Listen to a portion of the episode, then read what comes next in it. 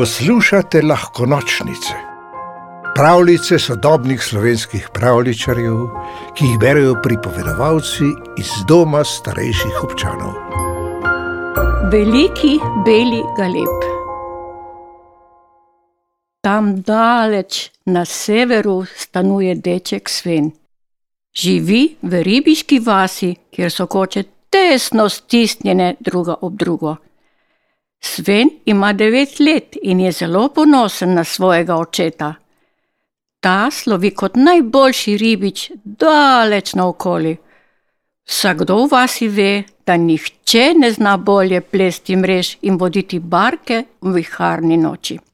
Kako je bilo Svenu všeč, ko je smel z očetom na krov njegove ribiške barke in sta skupaj zaplula vzdolž strme obale.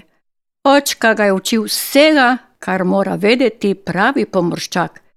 Pripovedoval mu je, odkot največkrat pride nevihta, kako se ravnajo morski tokovi in kako slediti zvezdam na nebu. A kaj, ko ti izleti nikoli niso trajali več kot en dan? Dan, ki je minil hitro, kot zvezdni utrinek, in temu čudovitemu dnevu je sledil veliki ribolov. Ko so možje iz vasice krenili na odprto morje za več dni in noči skupaj, Sven si je močno želel oditi z njimi tja daleč do obzorja.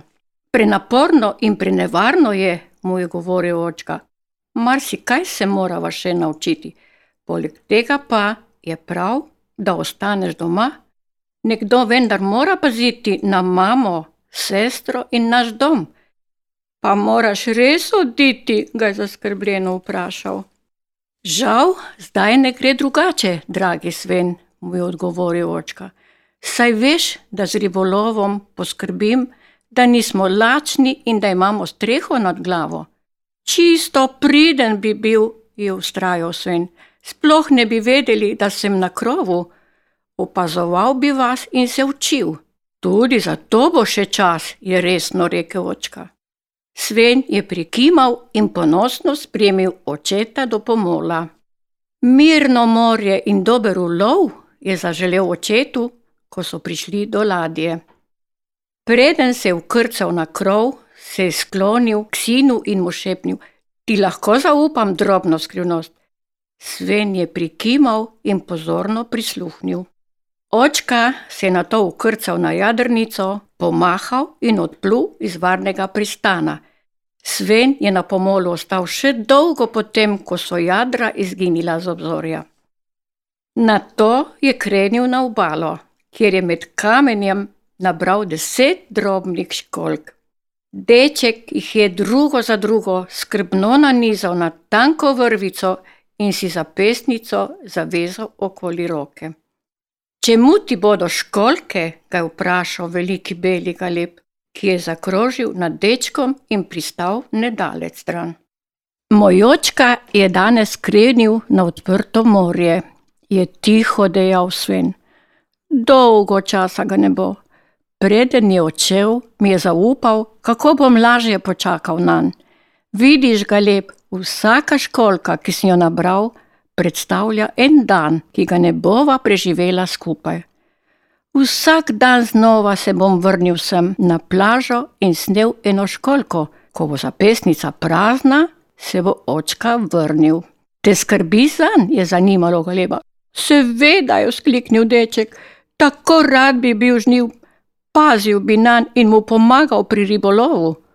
Lepo od tebe, je rekel galeb, a naj te ne skrbi, tvoj oče je slovit ribič in prepričan sem, da se bo varno vrnil. Poleg tega lahko vsak dan poletim k njemu in pogledam, kako se drži. Dečku se je zjasnil pogled, bi to res storil zame? Seveda, Sven, je prikimal veliki beli galeb in poletel na odprto morje. Od tega dne je deček vsak dan čakal galeba na obali morja ki nikoli ne počiva. Nista ga motila ne veter, ne mraz. Potrpežljivo je stal in zrl na obzorje, dokler se ni prikazal gleb in zakrožil nad njim. Tako je deček vedel, da je z njegovim očetom vse kot mora biti. Kmalu je prišel tisti dan, ko je deček med kamenje položil zadnjo školko. Danes se vrnejo, je zaklical velikemu belemu galebu, ko je ta zakrožil nad njim. Draga ptica, hvala, ker si mi stala ob strani. Poglej, šele zdaj sem opazil, koliko vseh školk na plaži. Res jih je veliko, je rekla ptica. Vse te školke pomenijo dneve, ki jih bova z očetom preživela skupaj, in teh deset, ki sem jih nosil na zapestnici, je v primerjavi z njimi čisto malo. Prav imaš, je prikimal veliki beli galeb, čakajo vaju lepi dnevi. Komaj čakam, je dejal Sven. Dragi galeb, upam, da se še kdaj vidiva. Morda, ko se na morje za več dni odpravim tudi jaz. Veliki beli galeb je poletel proti obzorju, kjer so se prikazala jadra ribiških barkač. Ta so se srečno vračala v domači pristan. Pravljico napisal Žiga X. Gombač, pripovedovala Ana Golob.